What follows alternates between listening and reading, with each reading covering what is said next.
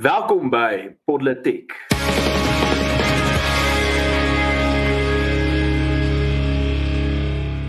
Saam met my in die ateljee vandag is Frederik van Dijk en in vandag se episode Blydse flaters en ramptoestand in troebelwaters. Nou voordat ons hierdie week se episode afskop, wil ons natuurlik ook dankie sê vir ons wonderlike borgers by No Greater Supplies. No Greater Supplies is 'n verskaffer van industriële voorrade en hulle verstaan die kritiek van deurlopende produksie. Daarom bied No Greater Supplies dieselfde dag aflewering van alle swys, skuur, konstruksie en industriële voorrade. Dis kliëntediens soos geen ander. Daar is geen beter No Greater Supplies. Jy kan gerus vir hulle kontak by 084 783 5316 of stuur vir hulle gerus 'n e-pos. Die e-pos is ook aan die onderkant van hierdie video beskikbaar of van hierdie podsending beskikbaar.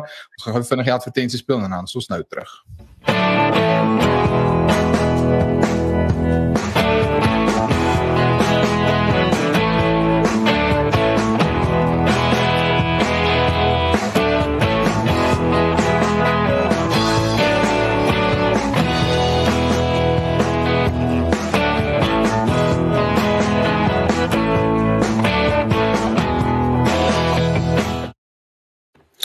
ja, nou sê dankie natuurlik vir ons wonderlike borgers. Nou kom ons op ons ins hierdie week se politiek en ons skop af Frederik met die eerste storie en dis natuurlik 'n gesprek waarmee jy nogals nou betrokke is en dit is die taalgeveg uh, by Stellenbosch wat lyk my eintlik maar nog steeds so voort sukkel op die oomblik. Ja, Daniel, eerstens moet ek net sê dis ehm um, hom glad nie so vrees aan Jaand om die politiek sessie te open soos ek nou nou moes doen nie. Dis nog al nie baie lank skrip nie, moet ek sê. Dis daarvoor ek nogal dankbaar. maar uh, ja, in elk geval ja, ek het dit was so opgeval onmiddellik vanoggend toe ehm um, jy weet toe die, die nuus nou begin inkom en dan is die taal goed gewoonlik dit wat heel eerste op my les nou beland. En ek dink ons paadjie met meneer Nzimande stap natuurlik nou al 'n hele rukkie juis omdat uh, hy nogal 'n manier het om gereeld onsinnighede en absoluut net politiek opportunistiese goed te sê as dit kom by die taal kwessie in hoër onderwys in Suid-Afrika. Iets waarvoor hy natuurlik verantwoordelik is as minister van hoër onderwys. En ons almal ek, ek glo meeste van die luisteraars en kykers sal dit al gewoond wees aan meneer Nzimande se se se se wedstryd met onder andere die DA en soveel ander partye wat betrokke is en groepe wat betrokke is by die taalkwessie en hoër onderwys en dis ook onder sy leiding dat ons hierdie taalbeleid vir hoër onderwys gesien het waar daar hierdie uitsluiting is van Afrikaans en tale wat nie sogenaamde ehm um, Suid-Bantu tale is nie. Uh so daar's hierdie hierdie onmiddellike klemverskywing dat dat is jy nie een van die die die amptelike Suid-Afrikaanse tale praat of dit as 'n moedertaal het wat uh onder die Bantu klassifikasie is nie dan uh jy weet dan dan tel jy hom van die rede nou nie as by hoër onderwys kom nie. Ehm um, en Zimande hou voet by stuk. Dit is die beleid en hy dit dit is nie iets wat hy binnekort sien gaan verander nie en hy het nou vandag in spesifiek hierdie uh, berig wat ons wat ek dan gelees het, het hy dan nou die DA beskuldig dat hulle besig is om met Afrikaans te doen met die apartheid regering met Afrikaans gedoen het en dit is om dit nou glo in mense se kele af te dik. En dit is daar's 'n geweldige ironie daaraan want in Zimande sê dit is Afrikaans wat nou in kele afgedruk word hier terwyl al wat besig is om te gebeur is dat belangehebbers by Afrikaans as taal en onderwys vir hom al maande lank met hom stry en vir hom sê maar hoe op dese aarde kom jou departement op die slots om dat Afrikaans nie goed genoeg is vir as taal van hoër onderwys in Suid-Afrika nie. Hoe kan julle dit beskou as 'n nie-inheemse taal? Uh jy weet waar kom dit vandaan? So nou dat ons besig is om die boelie aan te vat, is die boelie die een wat vir ons sê, uh o, maar julle is besig om julle taal in almal se keelgat af te. Jy weet die die ironie en die die die logika spronge wat daar gemaak word is iets om van om voor skaam te wees. Jy weet dit nou van 'n minister af moet kom. Maar ek moet sê ons het in die tyd nou nie ons, ons kan nie in Suid-Afrika regtig spog in die tyd met uh ministers en departementshoofde van van ministerie wat werklik die sous wat die kool die sous werd is nie so uh my, ek ek wil amper sê as as ons as lesers nou die ding moet ontnons as dit probeer verstaan dan moet ons in die eerste plek nie veel beter van meneer Nzimande verwag nie of van enige regeringsamptenaar uh wat enige kwessie betref nie in in die geval natuurlik ook nie van taal nie. Uh ek dink wat mens wel vir jouself moet sê is moenie hierdie weerlig afleiers wat Nzimande gooi oor Afrikaans wat in kele afgeforceer word of of dit of dat moenie dit moenie daarvoor val nie. Moenie moenie dat dit die kruks van die argument word. Die kruks van die argument is nog steeds 'n minister wat besig is om Afrikaans die skuld te gee vir iets wat hy besig is om te doen. Hmm. Jy weet daar is absoluut geen regverdiging vir die feit of vir die argument wat hy probeer maak of die beskuldiging wat hy probeer maak dat deur vir Afrikaans op te kom en op legitieme belange wat die Afrikaanssprekende bevolking in Suid-Afrika het om daarvoor op te staan dat dit nou een of ander vorm van oorheersing is nie. Die groot maskerspele wat hier werklik aangaan is dat Nzimande besig is om oorheersing van 'n spesifieke uh, groep tale deur middel van sy hoër onderwysbeleid af te forceer. Dit sê maar hierdie as jy hierdie groep tale praat, dan is jy in Jems, dan is jy gewens dan verdien jy sekere regte in Suid-Afrika. So jy weet dit is dit is eintlik gevaarlik as ons op die punt kom waar 'n minister wat vir iets so belangrik soos taal en hoër onderwys verantwoordelik is, besig is om te sê luister ons gaan nie Afrikaans in Jeems erken nie en boonop gaan ons jy weet die gaan gaan ons nou om om om om om om insult to injury te by te voeg soos hulle nou sou sê gaan ons nou vir jou sê as jy enigsins aanspraak maak ehm um, daarop sekere regte in terme van jou taalgroep of as jy kapsie maak om sê maar luister dit wat jy besig is om te doen is nie reg nie dan is jy nou skielik besig om een of ander poging tot oorheersing toe te pas. So dit is ja, dis geweldig ironies, maar ek sou graag hoor wat jy daarvan te sê het. Ja, maar vir my is dit eenvoudig dis is hierdie droogredenasie dat om uh, ewe skielik Engels as die enkel alleen ontaal van onderrig by skole, universiteite en al hierdie plekke aan te neem 'n vorm van dekolonisasie is. Ek bedoel dis so uh, absurd soos wat dit kan kom. Ehm um, dit dis dis net jammer dat die gesprek oor moedertaal onderrig is in sommige mense insluitend minister Msimandi se so, o gaan dit nie oor moedertaal nie, maar hy dink dis kodewoord of half net 'n slagspreuk vir Afrikaans. Hmm. Ehm um, en en dis dis die probleem en en hulle vat dit dan 'n stapie verder. Ons sien dit met baie van hierdie skole litigasie waar 'n skool sê wel goed ons wil graag 'n Afrikaanse skool wees want die gemeenskap wat ons dien is Afrikaans. En dan kom die departement sê nee, maar goed, julle kan nie Afrikaans as julle taal van onderrig hê nie, want 'n taal is 'n proksie vir ras en dis waarop dit neerkom en dis hoe hulle Afrikaans ook beskou. Maar nou die probleem natuurlik wat hulle het met Afrikaans en dis veral waar in die Weskaap is Afrikaans is nie hierdie wit taal wat minister Misimandi noodwendig dink dit is nie. Ek bedoel, die meerderheid van die sprekers van Afrikaans in die Weskaap is nie wit nie. Ehm um, en en dis die die hele ironie van die saak is hy hy dink hy's besig met transformasie en eintlik wat hy net doen is hy's besig om ehm um, regte geleenthede vir verskeie studente uh, absoluut te ontneem. So dis een van daai gesprekke van dis dis eintlik skrikwekkend dat die minister nie die vermoë het om net een stapie verder te dink en een stapie verder te sien om die regte gevolge van van sy standpunt uh raak te sien nie.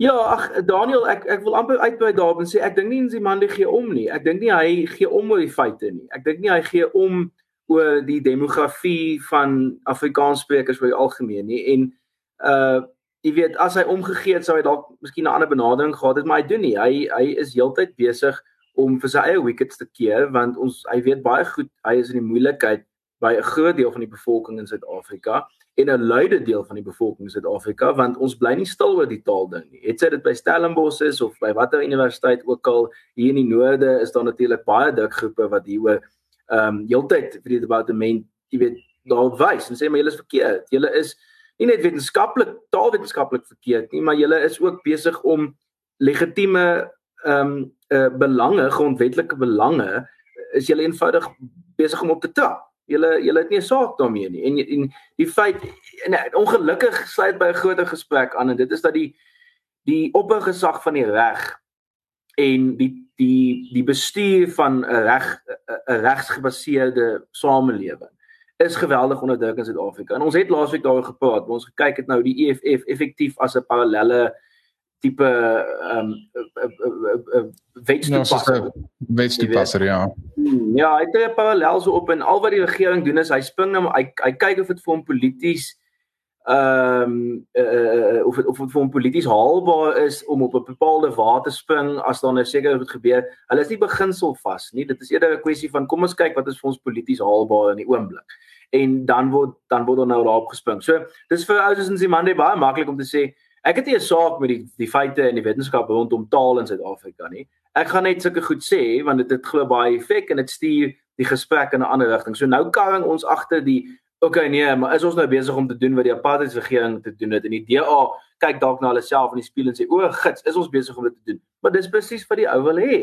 Hy wil hê jy moet in jouself twyfel. Hy wil hê jy moet moet dink okay nee, ek is dalk nou besig met iets wat moontlik immoreel is ensovoorts. En dit is glad nie die gesprek nie. Ons moet hom hmm. eenvoudig daar wys en sê, "Hey, jy is nou besig. Jy's die boelie in hierdie jy's die probleem. Jy veroorsaak dat daar absoluut redelike gronde is om staat te maak op op jou taalregte soos dit in die grondwet vervat word om te sê luister maar jy kan nie hierdie tipe oorheersingsbenadering hmm. volg nie. En dan is sy antwoord daarop: "O nee, julle is eintlik die boelie." So hy's besig om jou te gaslight. Hy's besig om weer te sê jy's eintlik die probleem terwyl hy die probleem is. Ons weet dit. Dit is dit is dit is nie 'n argument wat hy kan maak nie. Jy kan nie sê jy's besig om taaloorheersing te beoefen wanneer jy die legitieme belange wat 'n taalgroep het op aanspraak maak. So jy weet hy antwoord in elk geval nie die vraag nie. Die vraag aan hom van meneer Nzimande is meneer Nzimande, hoekom is jy besig om slegs tale wat deur swart persone in Suid-Afrika gepraat word as inheemse tale te beskou en 'n taal soos Afrikaans, die Khoi tale, die San tale, Nama, hoekom word dit beskou as nie inheems nie? weet wat is jou gronde daarvoor en hy kan nie ons daarop antwoord nie.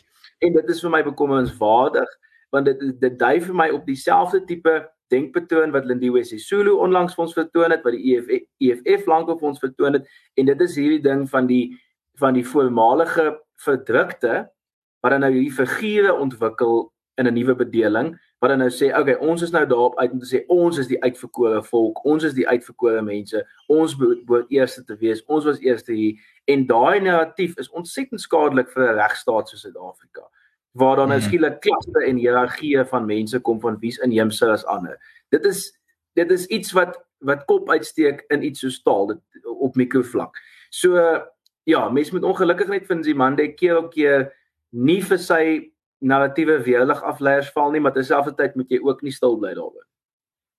Net net 'n laaste gedagte ek vir ons oorgaan na die tweede onderwerp vir vandag se bespreking. Ek uh, dit hou verband met wat wat jy nou sê en eintlik wat gebeur by Stellenbosch op en ek ken by al die universiteite. Ek vertel altyd die ons is baie betrokke by hierdie onderwyslitigasie en en skole en die uh reg van beheerliggame en gemeenskappe om reg eienaarskap te neem oor hulle skole. En een van die goed wat ons in die 90's gesien het in 'n in 'n skuif wat die, die nuwe bedeling gemaak het weg van die die ou bedeling was ons het beheerliggame bemagtig om regtig eienaarskap te neem oor hulle skole. Die beheerliggame het finansiële vermoë gekry, hulle het verteenwoordiging gekry en baie besluitnemingskapasiteit oor hulle oor hulle skole. Hulle kon taalbeleid, toelatingsbeleid, al hierdie goed ehm um, kon hulle bepaal en die tweede been wat ons gedoen het is ons het 'n gesentraliseerde stelsel weggevat. Met ander woorde, die regering het nie vir jou gesê waar word jy geplaas nie. Jy het as ouer en kind het aansoek gedoen by verskillende skole en dit het so tipe van 'n 'n mark geskep. Met ander woorde, skole het meegeding om die beste kinders na hulle toe te trek en dit vir op die ouene verbeter die die skole en die aanbod wat die skole kan maak. Nou sien ons vir 20 jaar later gaan die gesprek is is die regering verskriklik bekommerd oor die beheerliggame en is hulle besig om te sentraliseer. Ons sien dit in Gauteng. Dit elke liewe jaar is hierdie skoolplasingsstelsel 'n uh, absolute gemors want die regering dink hy het die vermoë om honderde duisende kinders elke jaar in graad 1 en graad 8 te plaas. Ehm um, en en ek bedoel die regering het eenvoudig nie 'n klou wat aangaan by die verskillende skole oor hulle kapasiteit en hulle gemeenskap en hulle kultuur nie. En so en, en die ironie en hoekom ek hierdie storie vertel is ons het 'n probleem geïdentifiseer 20, 30 jaar terug. En ons was reg, die die ons was reg oor die probleem ons het dit reg aangespreek.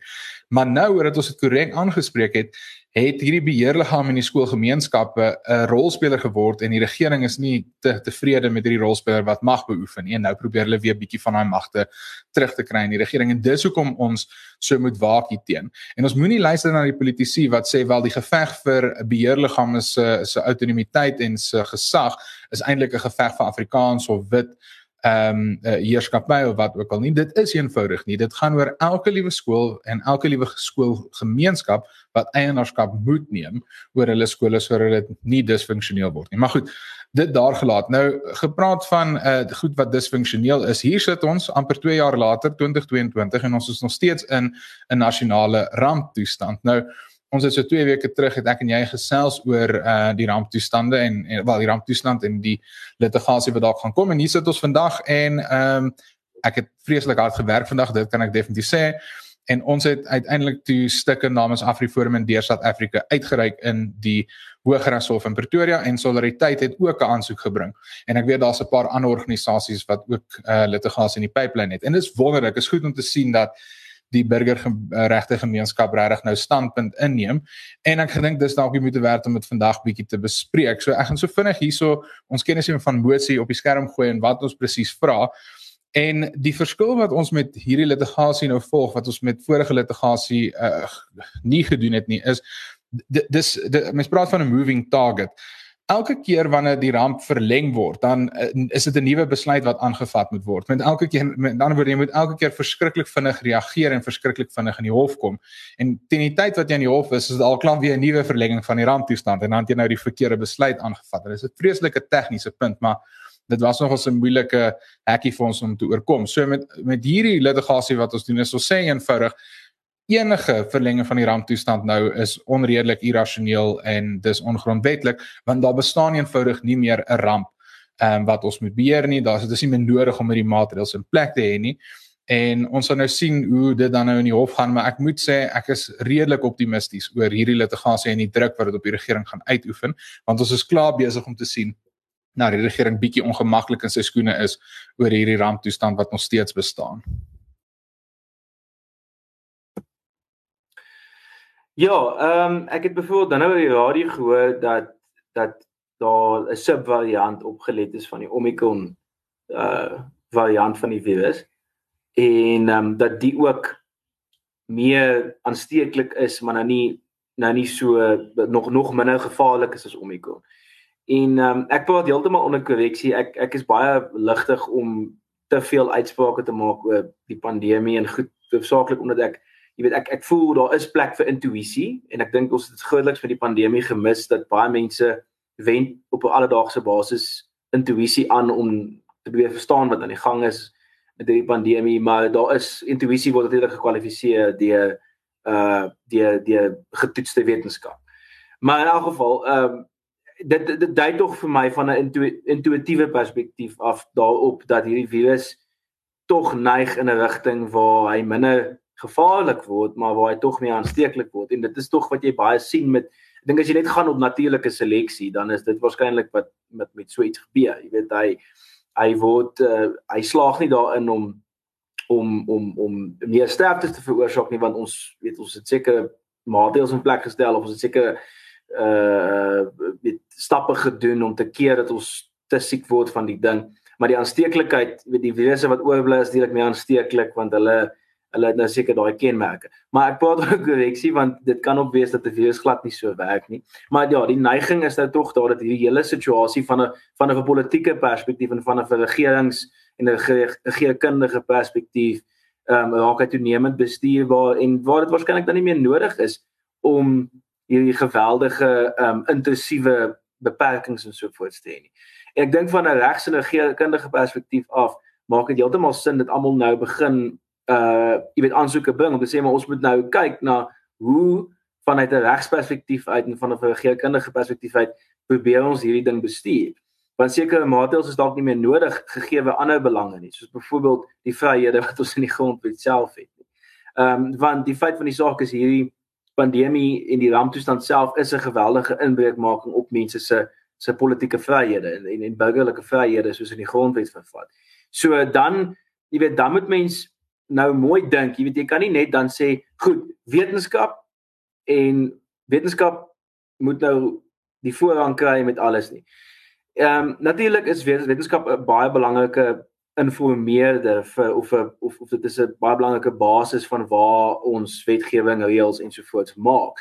Maar wanneer die wetenskap self is nie 'n 'n 'n magister of 'n of 'n liggaam wat jy kan gebruik om net so reëls te skep nie. Verstaan, die wetenskap is daar vir alle vir ander doeleindes. Die wetenskap is daar om sekere hipoteses te toets, dis daar om sekere uh hipoteses te toets wat op die eind lei tot sekere oplossings, het sy dit nou in die mediese omgewing of in of of of of of natuurlik in die natuurkundige omgewing en so voort. So dit is nie ge gegeewe dat wanneer jy 'n wetenskaplike proses van stapel stuur dat dit nou op een of ander magiese manier vir jou ook die perfekte reëls en regulasies en wetgewing gaan uitpons nie want dit is natuurlik ook menslike wetenskappe daai die menslike wetenskappe en die die regsfilosofie en en en en net bloot uh, jurisprudensie is op die eind wat vir ons die die instrumente gee om regeringskundige maatreëls ensovoorts en beleid uit te dink. So beleid en wetenskap gaan hand aan hand, maar terselfdertyd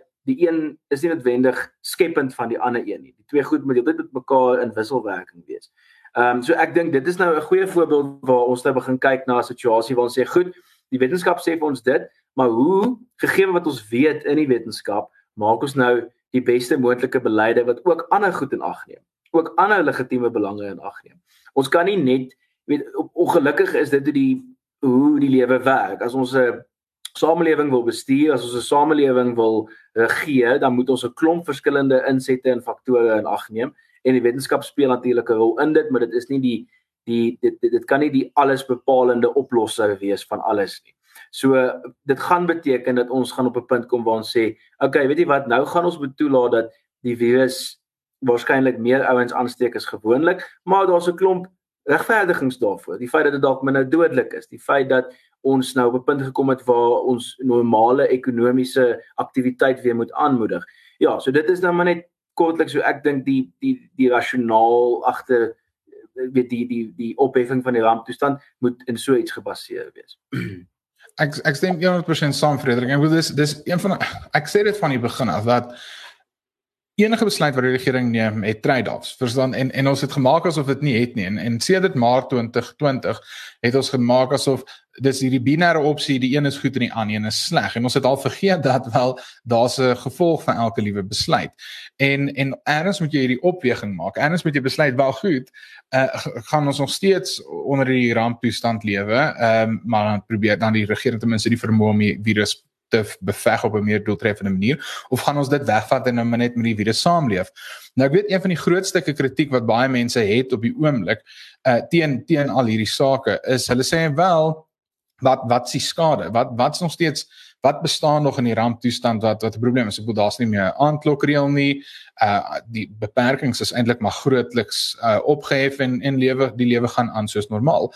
Die probleem is as ons vergeet dat wat hierdie die die, die ramptoestand doen is dit stel die regering in staat en spesifiek uh, minister Dlamini Zuma om letterlik net so kits wetgewing te maak. Ek bedoel sy het vir 2 jaar lank effektiewelik die land beheer en regeer. Sy kon bepaal wanneer mag maatskappye besighede oop wees, waar mag mense wanneer wees, wat mag mense verkoop. Uh, dit dis dis hopeloos te veel mag in uh, op vir enige minister om vir enige staatsamptenaar om te hê.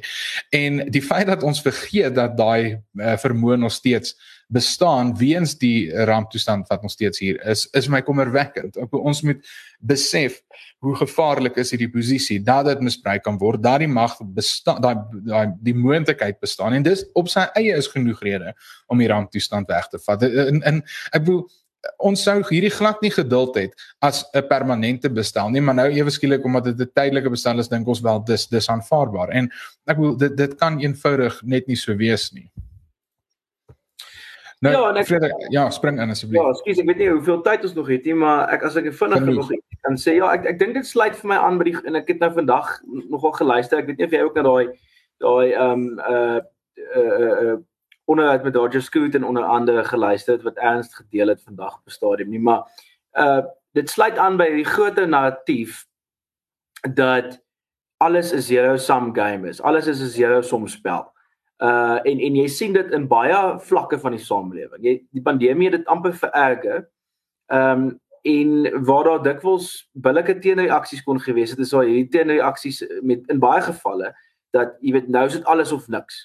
Het sy dit met die pandemie, die hantering van die pandemie is, het sy dit die hantering van staatskaping is, ehm um, het sy dit die hantering van kampuskultuur en jy weet allerlei ander uh kultuuroorlog verwante onderwerpe is dinge kom neer op hierdie zero sum game en dit is 'n ontsettende lui en gevaarlike manier om na die wêreld en na die lewe te kyk.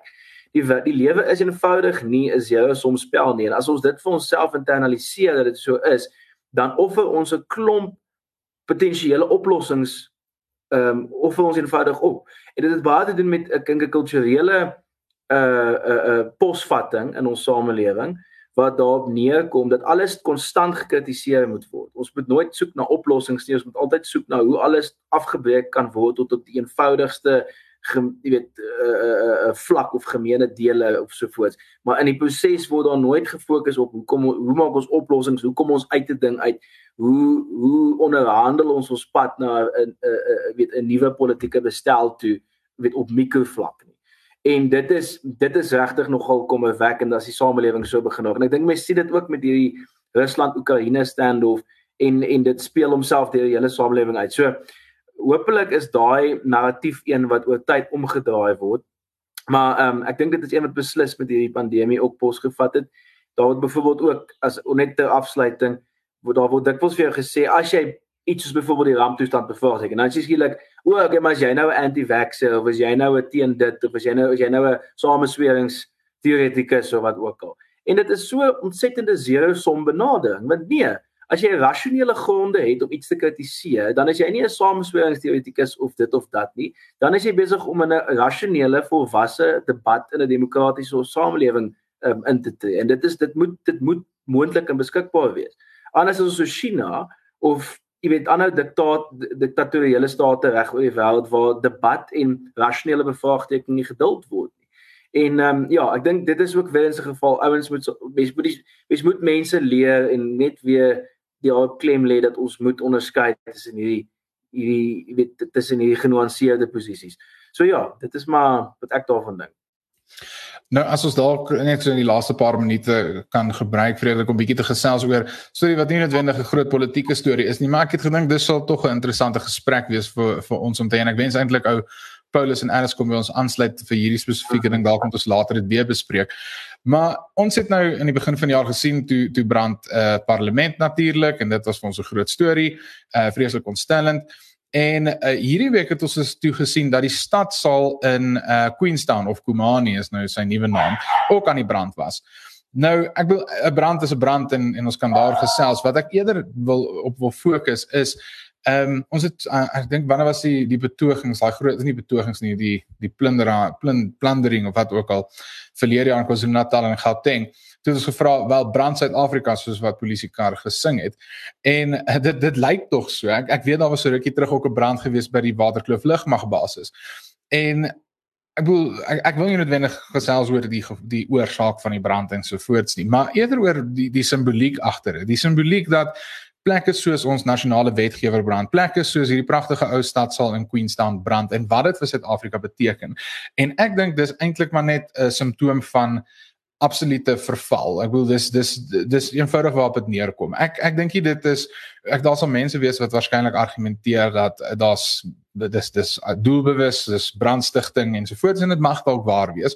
Maar nogtans die brandstigting sou nie plaasgevind het indien daar behoorlike onderhoud was van ons plekke nie, indien daar behoorlike sekuriteit was by uh Queenstown se se stadsaal en by die wetgewer nie. Ek bedoel dis dis dis klomp faktore 'n uh, klomp verantwoordelikhede verantwoordelikhede wat die regering absoluut net nie nakom nie wat lei tot tot hierdie goed wat lei tot hierdie verskriklike brande en op 'n manier is dit eintlik nogal simbolies redelik hartseer vir my om om te sien hoe die land op die einde effektiewelik brand. Ja, Daniel, ag dit is dis aardig om te sien. Ehm um, maar dit dis sleg hoe mense gedesensitiseer raak deur verval. Ehm um, en ek dink dit dit plaas hierdie groot onus op op die van ons wat normaliteit nastreef in Suid-Afrika om soveel as moontlik saam te span om normaliteit te probeer werkstellig. Is dit nou met parallelle ehm um, uh, met in dit wil sê ook die uh strategie en so voort en mense sien dit in baie gemeenskapsbewegings onder andere in die solidariteitsbeweging. Maar ja, wat ek wil sê oor die brande is ek dink eerstens dit is heeltemal redelik om die spekulasie die wêreld in te stuur dat hierdie iets te doen het met die ANC se interne leierskapsoorloë en so voort. En ek sê dit met gemaklikheid want die ANC en as jy Tom Eaton se boek lees, ehm um, oor is it getting hot in here en hy het dan nou 'n subtitel ook wat ek nou nie mooi presies kan kan kan herhaal nie. Ehm um, hy sê byvoorbeeld dit wat ons hier sien is die ANC wat wat die die land amper as 'n tipe verhoog beskou en hulle is besig met hierdie tipe kleuterrepetisie. Ehm um, waar hulle interne geveggies met mekaar en met met die verskillende faksies in die ANC. Hulle het geen nie om oor die kollaterale skade wat wat wat in die proses op ons almal uit uitgerig word nie. Dit is vir hulle amper net 'n kwessie van ons sort ons eie goeders met mekaar uit. Dit kom neer op geweld en politieke moorde en brandstigting en en so voorts en maar op die einde is dit hierdie helse verhoogspel want hulle het so ideologies in hulle self ineengetrek geraak dat hulle en daar's soveel hubris en arrogansie wat dit onderskaag dat hulle fisies nie meer die kollaterale skade kan sien nie. In ander woorde of dit nou van weer ehm um, 'n uh, 'n uh, uh, fisiese brandstigting self is en of dit nou van weer net blote verval en en onbekwaamheid en en waninstandhouding is dit kom op die einde daarop neer die ANC het nie regtig 'n saak nie want hulle kan fisies nie meer sien wat hulle besig is om die land aan te rig dit maak nie meer vir hulle saak nie want hulle is so in hulle self in ingetrek. Dit is ek dink dit is 'n dogmatiese siekte waarop jy op 'n stadium kom en ek dink jy het dit in soveel lande ook al in die geskiedenis gesien. Daar's soveel voorbeelde uit die geskiedenis uit waar oorheersers en heersers so in hulle self en hulle eie arrogansie in verval dat hulle fisies nie meer kan sien wat hulle aan die samelewing doen nie. En ek het nou ek lees byvoorbeeld nou oor die val van Berlyn. Ehm um, en dit is net interessant byvoorbeeld om te sien in die die absolute waas of waansin waarin die nazi-heersers in Duitsland in die laaste paar jaar van die die derde Reich geleef het. Jy weet dat die Russe en die Amerikaners was op hulle drempels en die ouens het nog steeds geglo ehm um, dat hulle alles in beheer het en dat hulle die laaste oorwinning gaan behaal en jy as jy na die feite kyk en na die dan is daar net absoluut geen kans nie. Dis wat die ANC ook waarskynlik trek. Hulle trek op 'n punt waar hulle nie niemand kan hulle meer red nie. Hulle kan hulle self nie meer red nie. So nou is daar hierdie hierdie in die wolke verhoogspel waar hulle hierdie weet onderlinge konflikte het. Hulle veroorsaak vir ons almal en vir die grootste deel van die mense wat hulle ehm um, voorheen, jy weet, bevry het, veroorsaak hulle ontsettende skade en trauma, maar hulle het nie meer saak nie. Hulle gee nie meer om nie. So dit is ja, dit is maar ja, maar ek wil nou net uh, een een vraag vra en ek weet ons ons kom eintlik nou aan die einde van die episode se kant toe, maar jy jy het aan die begin gesê ons soek net normaliteit. Is die probleem juist nie dat dit dis nie normaal nie. Ek ek da jy het nou vroeër in die episode verwys na Roger Scruton en hy het, hy het hierdie wonderlike boek oor wat mooi is in die wêreld en daarin sê hy dat dis dis verskriklik maklik om ehm um, dit wat uh, dit wat mooi is te breek, maar is verskriklik moeilik om mooi te skep. En is dit nie maar eintlik dieselfde hier nie. Dis dis verskriklik maklik om orde en standvastigheid en al hierdie goed af te breek, maar dit is ongelooflik moeilik om dit op te bou. Dis moeilik om 'n samelewing te skep. Dis moeilik om voorspoed en vordering te skep, maar is baie maklik om dit af te breek. En ek dink dis dis amper wat ons hier sien en ek dink die oomblik wat ons besef wel dit is nie dis nie die normaal nie. Dit is nie 'n gegewe dat ons in 'n beskaafde samelewing bly nie. Dit is nie 'n gegewe dat ons hierdie staat het en hierdie gemeenskap het en hierdie bande het wat sorg dat ons dat dat ons hoef nie elke aand te bekommer dat die barbare hier by ons huis gaan inhardloop en ons velde afbrand en en verstaan ons skure vernietig nie. Uh, dis dis dis jare se ontwikkeling en en dit was harde werk om te kom by hierdie plek waar ons nou is. Ja, nee, ag absoluut Daniel, dit is wat ek dink dit is maar net wat ons sien is 'n simptoom van van mense wat in 'n totale waansinnigheid wat deur mag en ideologie veroorsaak het. Dis hulle leef daarin. Hulle glo regtig dit gaan beter met hulle. Ek meen hulle ek het so pas gesien hoe hoe jy weet ek die volgende stap met die ANC is likwidasie. Jy weet omdat hulle nie hulle werknemers kan betaal nie. En nou hoe die die vakbond sien ek is besig om hulle arbeidsregtelike kwessies nou um, in die in die arbeidshof aanspreeklik te hou. Ek het so, al aangebied om die ja, ANC te verteenwoordig, maar hulle aanvaar nie my aanbod nie. jy moet ook vir hulle sê jy sal likwideer dit om hulle so nou pynlik wees. Vrywillige likwidasie. Ja. Mm. nee, so ag dis dis sleg om dit te sien Daniel, maar ehm um, ek dink op die eind gaan dit afhang van van gemeenskappe en intergemeenskapsamewerking van Suid-Afrikaners wat wat normaliteit maar ook die mooi wat ook wat die mooi wat die mooi in lewe en die voorspoed in die lewe wil nastreef wat wat steeds hoop het. Dit, dit gaan van ons afhang. Jy weet uh, die mm. ANC kan maar voortvoete, maar ons gaan ons eie ding moet doen as ons wil oorleef en voorspoed beleef. Ja, beslis, ek wil. Vrede op daai noot kan dink ek kan mens nie beter hierdie episode afsluit nie. Uh vir jou as luisteraar baie dankie dat jy vandag ingeskakel het. Ons sê ook vandag in hierdie episode baie dankie aan al ons Patreon ondersteuners. Ons waardeer julle ondersteuning ongelooflik baie dankie dat julle op politiek vir ons moontlik maak. Nou ja, uh, as jy hou van wat ons doen hier by politiek, klik op die subscribe knoppie, klik ook op die knoppie sodat jy elke keer sien wanneer ons regstreeks is. Jy kan ook natuurlik self ontnonsens deur die gesprek voort te sit in die kommentaarafdeling, sluit aan by ons Telegram groep. Ons geniet dit om daar met julle almal te gesels en natuurlik kan jy ook vir politiek ondersteun deur ons uh borge te ondersteun. Jy kan ook vir ons 'n resensie los met jou klagtes en gedagtes en dan sien ons jou weer volgende week.